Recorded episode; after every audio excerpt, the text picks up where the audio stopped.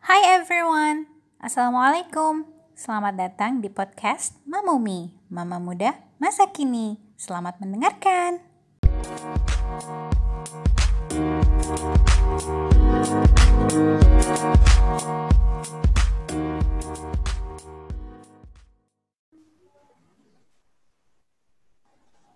Halo Biba, apa kabar? Alhamdulillah Kak Fit. Kak Fit apa kabar? Baik, Alhamdulillah. Lagi sibuk Lagi. apa nih Kak? Lagi sibuk sama anak. Rutinitas sehari-hari. Iya, jadi eh, hari ini em, apa ya kemarin tuh di Bahrain udah mulai ada yang dine in. Kalau negara lain kan udah pada restorannya dining in gitu kan. Nah, Hmm. kalau Bahrain baru-baru mau mulai. Terus eh, beberapa waktu ke mall tuh beberapa restoran eh, udah mulai yang tadinya tutup udah mulai mau buka. Oh iya, terus aku kemarin itu beberapa hari yang lalu Mm-mm. eh, ke park. Aku nggak tahu di negara lain ya, tapi di sini itu ada cinema di luar. Jadi kan belum boleh tuh nonton Ah, ah. di dalam. Jadi Mm-mm. sinemanya itu gede kayak layar tancap gitu. Oh, dari mobil. Iya, Nontonnya ada di mobil. iya. Aku Tapi cuma pernah mahal. lihat di film Amerika doang, Kak. Oh iya, Maksudnya nggak nggak pernah lihat nggak pernah lihat yang kayak gitu di di Indonesia atau di di sini mana. ada per kepal per mobil itu maksimal dua orang dan harganya itu 12 BD. Satu BD-nya 35.000 berarti kali 12 berapa tuh?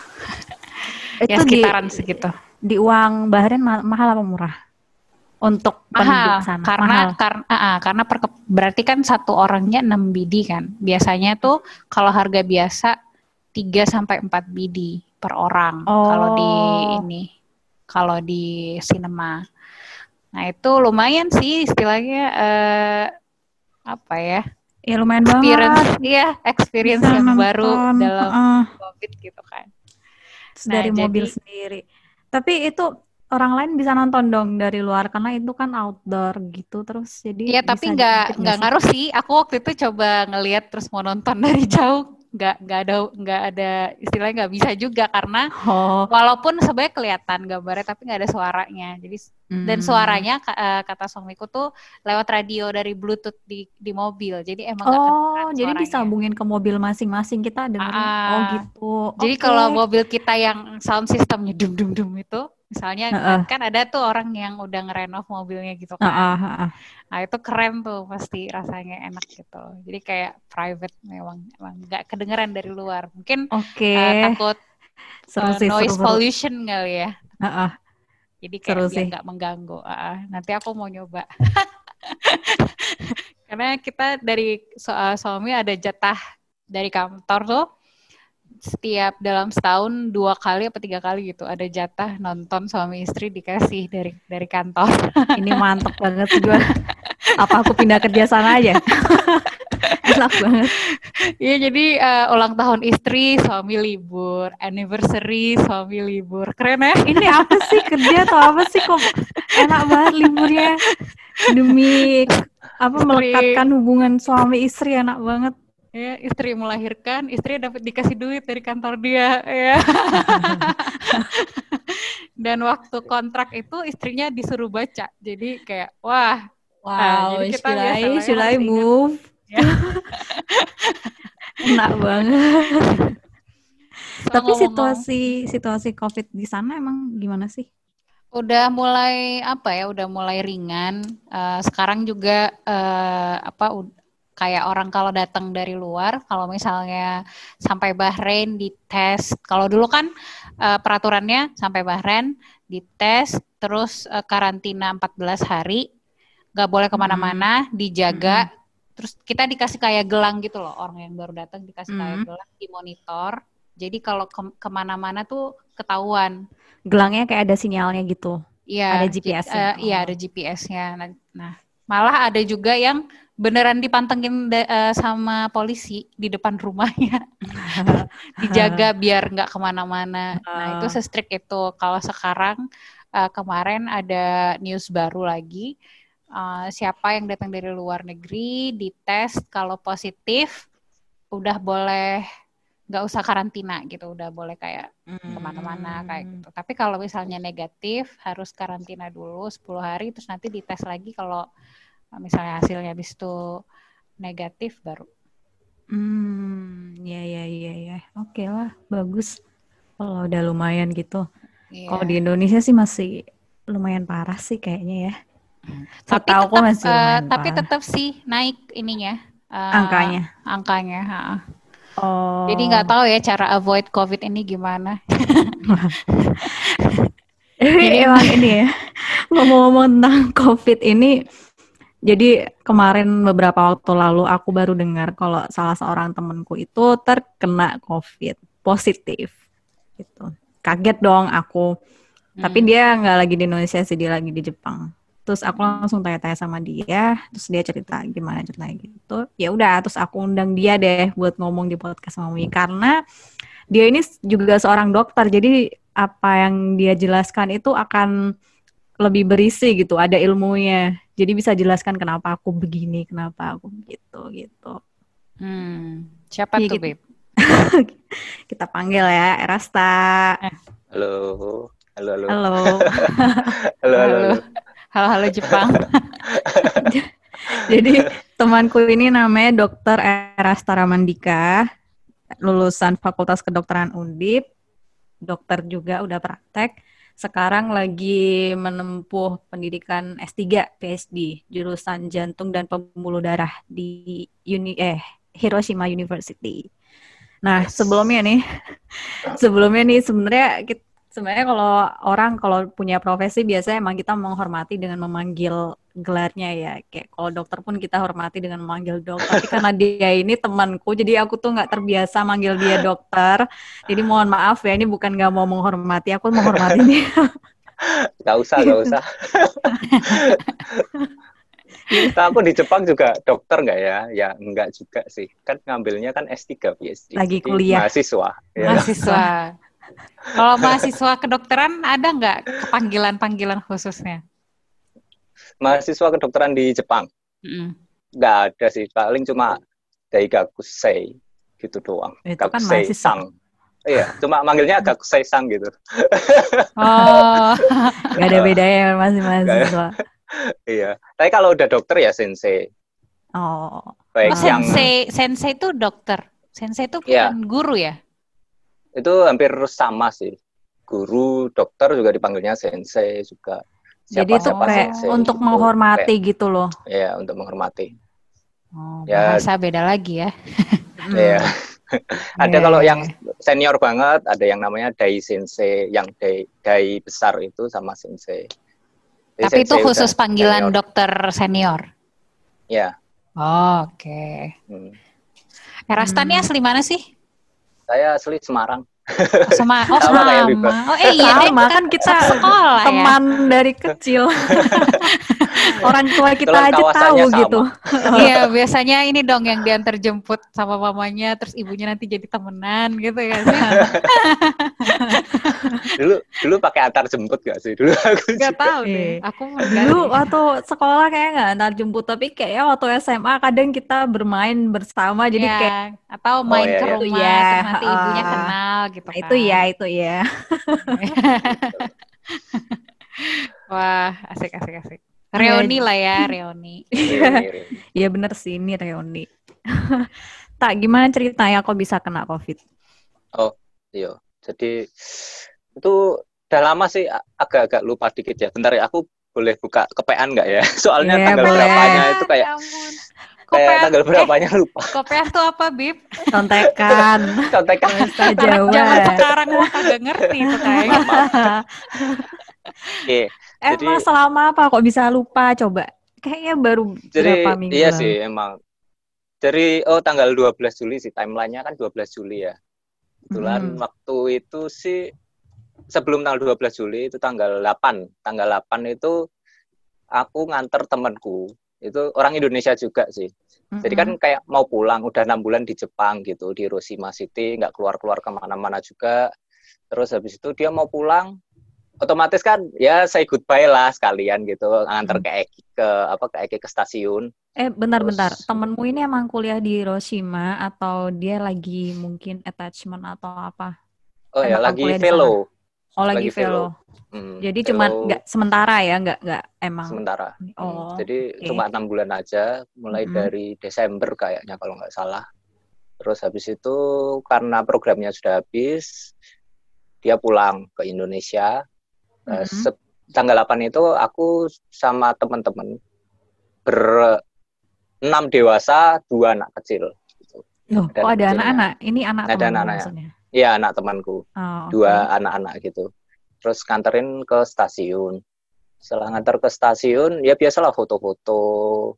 Bahkan ada yang lebih ada yang kontak erat teman teman saya juga cewek itu sampai makan bareng gitu. Terus Hmm. eh ya ngabisin sekitar setengah harian bareng sama dia lah gitu. Mm-mm. aku cuma paling sejam dua jam ya dua jam dua jaman gitu. Dari jam 8 sampai jam 10 jam 8 Mm-mm. sampai stasiun terus foto-foto biasa sama nunggu bis kan jadi kan Mm-mm. pesawat dari Osaka ya dari Hiroshima ke Oh, Osaka dia naik bis ke Osaka. Hmm. Oh, jauh juga Terus- ya. Terus lumayan sekitar 6 jam Enam 7 jam apa ya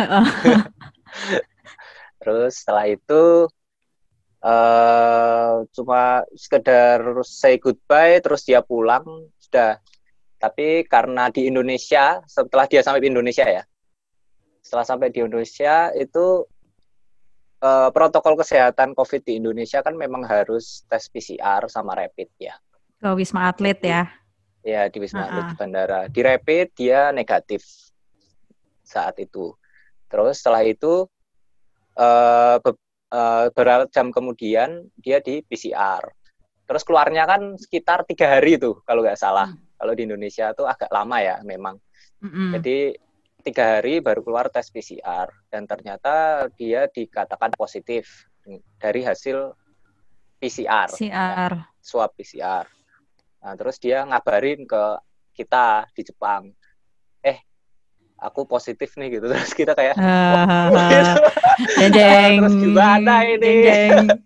Terus keluarga Terus- dia yang sama dia sama positif juga. "Eh, dia sendirian. Hmm. Oh. Jadi anak-anak itu anak temanmu yang lain, yang dua anak kecil itu. Eh, anak temanku yang lain yang ada di. Oh, oke oke oke, Oh. oke. Eh, terus setelah itu, eh, gimana nih kita ngomong ke profesor kita gak gitu, ngomong ke bagian gak gitu. Kan kita kontaknya cuma sebentar gitu. ya Hmm. gimana kalau ditutup-tutupin aja gitu kan. Eh, kita sempat mikir kayak gitu juga. Terus Mm-mm. gimana kalau kita nunggu tes PCR yang kedua aja gitu kita ngomong kayak gitu sih sempat kepikiran kayak gitu kan Hmm. mungkin mau diulang lagi mungkin hasilnya juga agak-agak rancu juga gitu karena kan tes PCR juga kan sebenarnya ju- sek- eh, signifikansinya itu bisa sampai 90% sebenarnya. Spesifikasinya juga 90% jadi otomatis ada sisa lah. Kita kayak mikir ah Berharap- paling sampelnya terkontaminasi ya. ini sampel terkontaminasi atau apa gitu lah. Kita berharap seperti itu. Berharap meskipun 10 dalam- persennya. Iya. itu dalam hati kecil dari dalam hati kecil wah ini udah pasti positif ini gitu. Jadi eh akhirnya ya udahlah nunggu yang kedua aja. Tapi nanti gimana gitu ada sama universitas gimana bahwa kita kan juga harus masuk gitu. Kita harus masuk untuk hari itu hari Minggu ya, hari Minggu tanggal eh, 13 eh 12 itu hari Minggu. Gitu. Jadi 12 Juli itu hari Minggu, jadi kita masih diskusi nih satu grup Berarti itu itu kan. empat hari setelah dia pulang ya. Ya, oh. kan PCR-nya nunggu tiga hari. PCR-nya nunggu tiga hari. Tapi sebelum itu kita ya ke mana-mana. Aku ke kampus gitu. Karena kan nunggu PCR-nya dia kan. Ah, ah, Tapi aku tetap ke kampus, tetap ngurusin meriksa pasien, terus tetap ngelakuin apa eh, riset gitu gitulah. Tapi Terus waktu sama berhub- waktu nganterin dia itu sampai pada pakai masker, kontak gitu, social distancing gitu nggak sih? Eh, jujur aja nggak terlalu social distancing sih. Meskipun kita di luar ya. masker. ma- pakai masker. Tapi biasalah orang mau foto-foto gitu. Kita kayak Foto Ah, buka, bu- ngomong buka buka, lah. makan buka Hmm. gitu ya. Baik. Eh, jadi kayak foto biar kelihatan mukanya lah gitu. Oh, Ini pakai masker, Iya, iya, pakai iya, masker iya. pertama foto pakai masker, terus yang kedua lepas masker semua gitu kayak biar kelihatan Oh. mukanya gitu. kesalaman gitu. Salaman gitu. Ya aku sempat Oh. ngerangkul juga sih foto bareng Hmm. ngerangkul Hmm. gitu. Jadi emang Hmm. close kontak banget gitu. tap- Hmm. Kayak terus setelah itu eh eh, apa namanya? Masih tetap masuk, keluar akhirnya kita masih pikir Hmm. gimana nih ngomong ke sens ke profesor apa enggak nih nanti nanti nanti malah ribut gitu Hiroshima. Daigaku jadi kayak kayak ini Ryugakuse eh, apa namanya eh, foreign student ini kok malah yang kena gimana ya? Nyusahin gitu. Ini udah kayak tercorek namanya. Ah, Indonesia lagi. Indonesia lagi. Eh, kalaupun kena buat jangan kita gitu. Terus kita udah kayak mikir kayak gitu udah gimana Nanti nih? kampus tutup karena Ah. ya. ya. Dan diem-diem aja dia ada yang mikir diem-diem ada yang ngomong. Tapi harus ngomong gitu gimana nih? Terus akhirnya disepakati ya udah mau gimana pun kita harus ngomong biar nanti nggak kele- kelewatan kan. Kalau misalnya kelewatan malah nanti jadi klaster baru gitu. Malah bahaya kan. Master ini dari siapa Indonesia. katanya. ini dari siapa nggak tahu gitu. Terus ya udah akhirnya paginya kita ngomong ke profesor-profesor di bagian kita masing-masing. Langsung itu ribut satu Hiroshima. Karena kan apa meliputi beberapa bagian ya. Ada sekitar berapa ya? Enam enam bagian enam bagian Apa yang tuh? berbeda. Jadi aku di kardiovaskuler terus ada yang fakultas gigi terus ada yang keperawatan farmasi terus kesehatan masyarakat. Ya, Sama the satu whole, lagi the radiasi. whole, the whole university lah, almost. Whole University. Terus habis itu mereka langsung adain rapat rapat dadakan gitu. Seluruh profesor gitu. Kayak kumpul. Ini gimana ini? Terus ini gimana? Oh, mau ngawur. gimana ini ini anak-anak? gitu.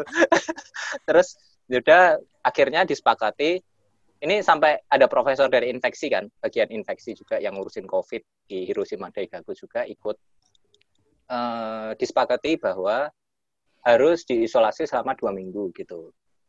Terus setelah itu mereka nggak puas di situ aja gitu.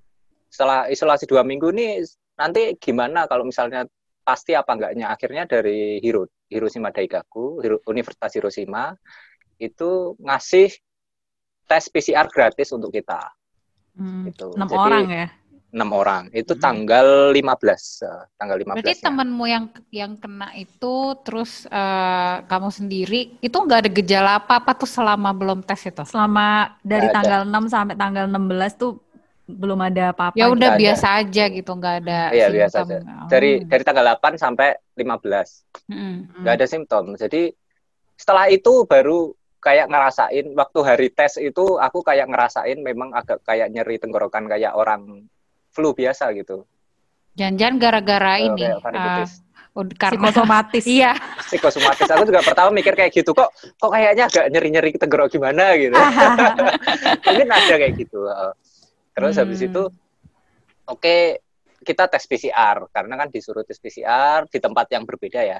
Hmm. Jadi di gym di gym di Hiroshima University itu jadi eh, tempat terpisah gitu dari apa namanya eh, dari senternya Hiroshima University. Kita tes, tes PCR ada dua perawat bawa swab test gitu kan. Mm-mm. Terus habis itu kita dites, di swab saat itu juga pagi jam 10 ya, jam 10-an. Jam 10-an. Terus setelah di swab, kita pulang, nunggu hasil kan, nunggu hasil.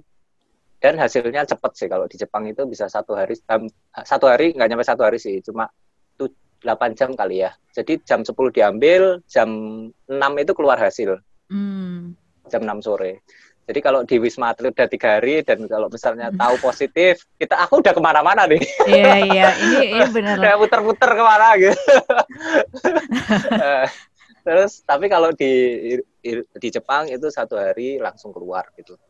Jadi malamnya itu aku yang terakhir gitu. Kok aku belum dikabarin gitu, padahal aku swab pertama kali gitu kayak. Hmm.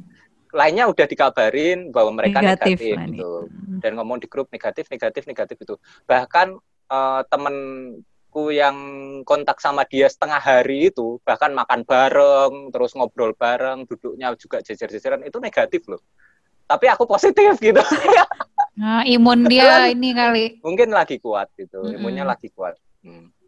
Itu ada pengaruh juga sih Oh. sebenarnya. Berarti nggak nggak nggak mesti ya, maksudnya kalau ada yang positif kita berhubungan sama dia, nggak selalu kita juga jadi kena positif ya. Tergantung. selalu, ya. Oh. Tergantung oke. imunnya. Hmm. Hmm. Makanya kan di Indonesia sekarang ada sepeda-sepedaan gitu kan bareng-bareng gitu. Ini sarkasme, ini sarkasme. Kamu Sepedaan menyindir orang-orang yang bergerombol naik sepeda. sepedaan ya toh. Biar ningkatin imun ya kan. Oh gitu. Iya. Aduh, pusing dah. Terus Ya reaksi reaksi apa? Reaksi dosenmu, reaksi kampus atau bahkan reaksi satu kota Hiroshima tuh gimana? Ya, Ada satu jadi- anak Indonesia kena gitu. Nah, jadi setelah itu aku bilang ke profesorku, Prof saya positif gitu. Terus langsung itu satu bagian itu tahu semua. Karena pakai milis kan, pakai milis terus udah kayak di jarkom semuanya. Ini ad- ada yang kena covid gitu, terus hati-hati gitu. Terus aku ditelepon malamnya sama health center gitu. Ditelepon sama health center. Eh, apa namanya? kamu kan positif gitu, jadi kamu harus rawat inap gitu. Loh, apa loh? Tapi kan saya tidak bergejala, kenapa saya harus rawat inap? Aku bilang kayak gitu. Terus eh, di sini protokolnya memang semua yang positif harus dirawat inap gitu, katanya gitu. Hmm. Soalnya untuk monitoring gitu aja sih. Itu di sebenarnya. rumah sakit apa ada ruang tempat isolasi khusus? Eh, wak- ini aku diteleponnya masih di rumah gitu, masih di Hmm, rumah, tap- masih di Tapi nanti dirawatnya tuh di rumah sakit atau Iya ada di rumah sakit, isolasi? Oh. di rumah sakit. Jadi ada rumah sakit khusus COVID Hmm. Oh. di Jepang di dibuat khusus COVID gitu katanya. Di Hiroshima juga sih ada tiga center kalau nggak salah.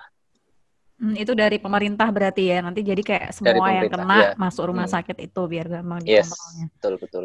Terus itu kayak eh, tempatnya kalau di Indonesia kan kalau ada tuh yang di- diliatin benar-benar ditutup, keluarga nggak bisa lihat, sama kayak gitu nggak? Atau ada juga Sama yang satu Sama. ruangan berenam? Oh sama ya? sama Ini satu tapi satu ruangan sendiri atau gimana? eh, jadi kalau rumah sakitku itu aku satu ruangan berempat. Semua yang Hmm. dengan gejala ringan semua gitu.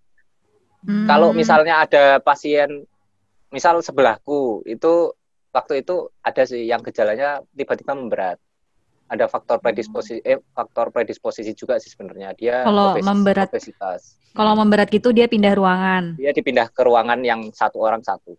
Oh gitu. Jadi jadi di kelompok-kelompokan itu juga sesuai ininya ya, bukan yang kayak Ah, kamu ringan nanti sama yang berat jadi nanti ketularan Oh, enggak, gimana gimana enggak gitu Enggak, ya. enggak, oh enggak. gitu. eh, jadi emang itu satu lantai isinya orang COVID semua. Waktu itu aku di Bangsal itu ada sekitar 10 8 orangan mungkin ya, 8 orang. Cewek, cowok, 8 orangan lah. Itu bareng-bareng di situ semua. Terus ada tambahan lagi gitu, masuk, keluar, banyak yang keluar, banyak yang masuk gitu kayak kayak ini udah kayak eh, keluar masuk gitu loh kayak kok Kayak sering asrama. gitu. Ini kok sering kayak. Jadi itu sih Bolehnya Nah, nggak ngapain aja selama isolasi?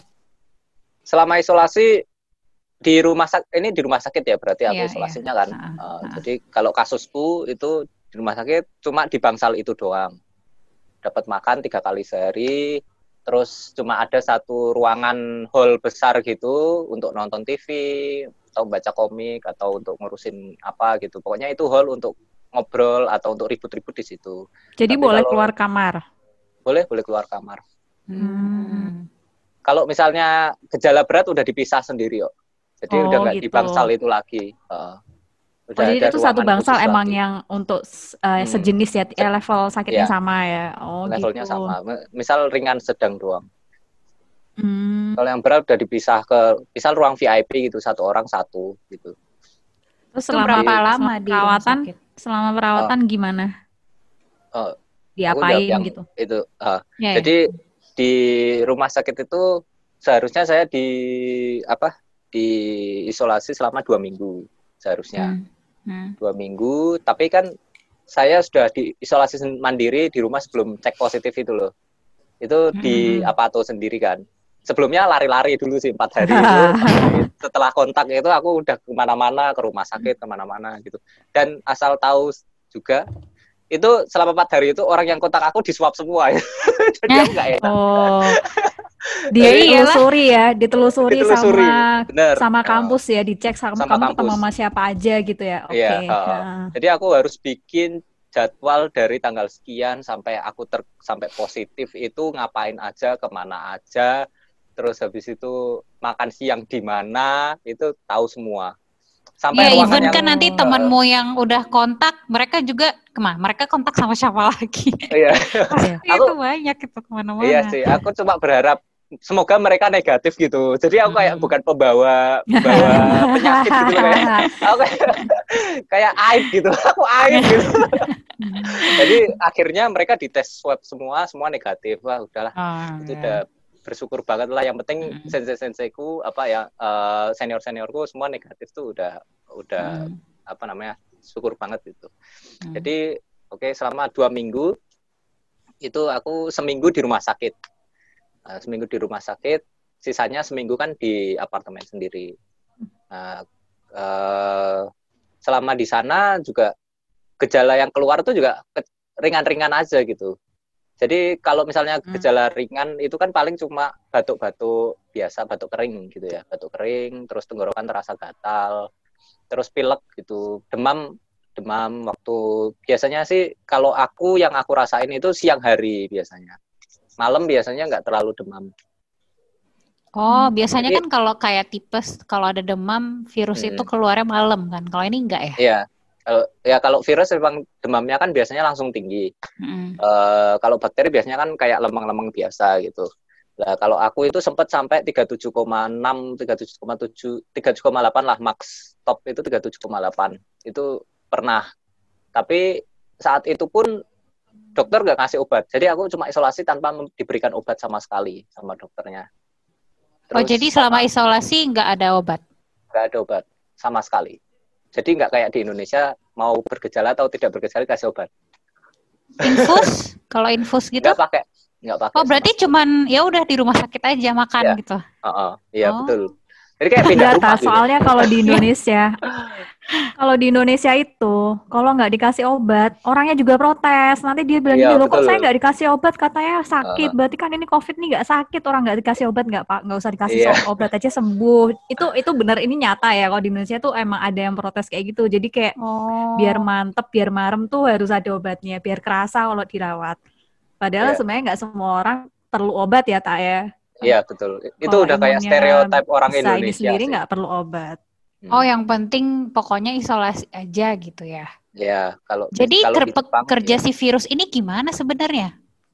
Jadi kerja si virus ini sebenarnya nyerangnya kan renin angiotensin ras gitu ya. Ya agak ribet lah. Pokoknya intinya nyerang sel. Nah, Hmm. setelah nyerang sel itu dan eh, istimewanya virus ini tiap sel di dalam tubuh kita tuh punya punya ini gitu loh. Jadi eh, ras ini ya. Jadi virusnya ini itu bisa ke semua sel. Baik sel otak, sel paru, sel saraf, jadi ke Hmm. semuanya. Hmm. Sel yang di dalam usus juga bisa. Jadi ke semuanya. Nggak cuma biasanya kalau Hmm. misal TBC itu kan kenanya paru doang, Hmm. ya kan? Hmm. atau ya sebenarnya bisa sih tulang atau itu juga bisa tapi eh, spesifikasinya di situ kan terus kalau misalnya covid ini bisa kena semuanya gitu jadi gejala yang diberikan pun berbeda-beda tiap harinya biasanya kayak gitu Gak kerasa sudah sekitar satu jam kita ngobrol ya. Episode ini kita tutup di sini dulu. Tapi teman-teman pendengar jangan ke mana-mana karena obrolan kami belum selesai. Langsung ke episode berikut untuk mendengar lanjutannya ya.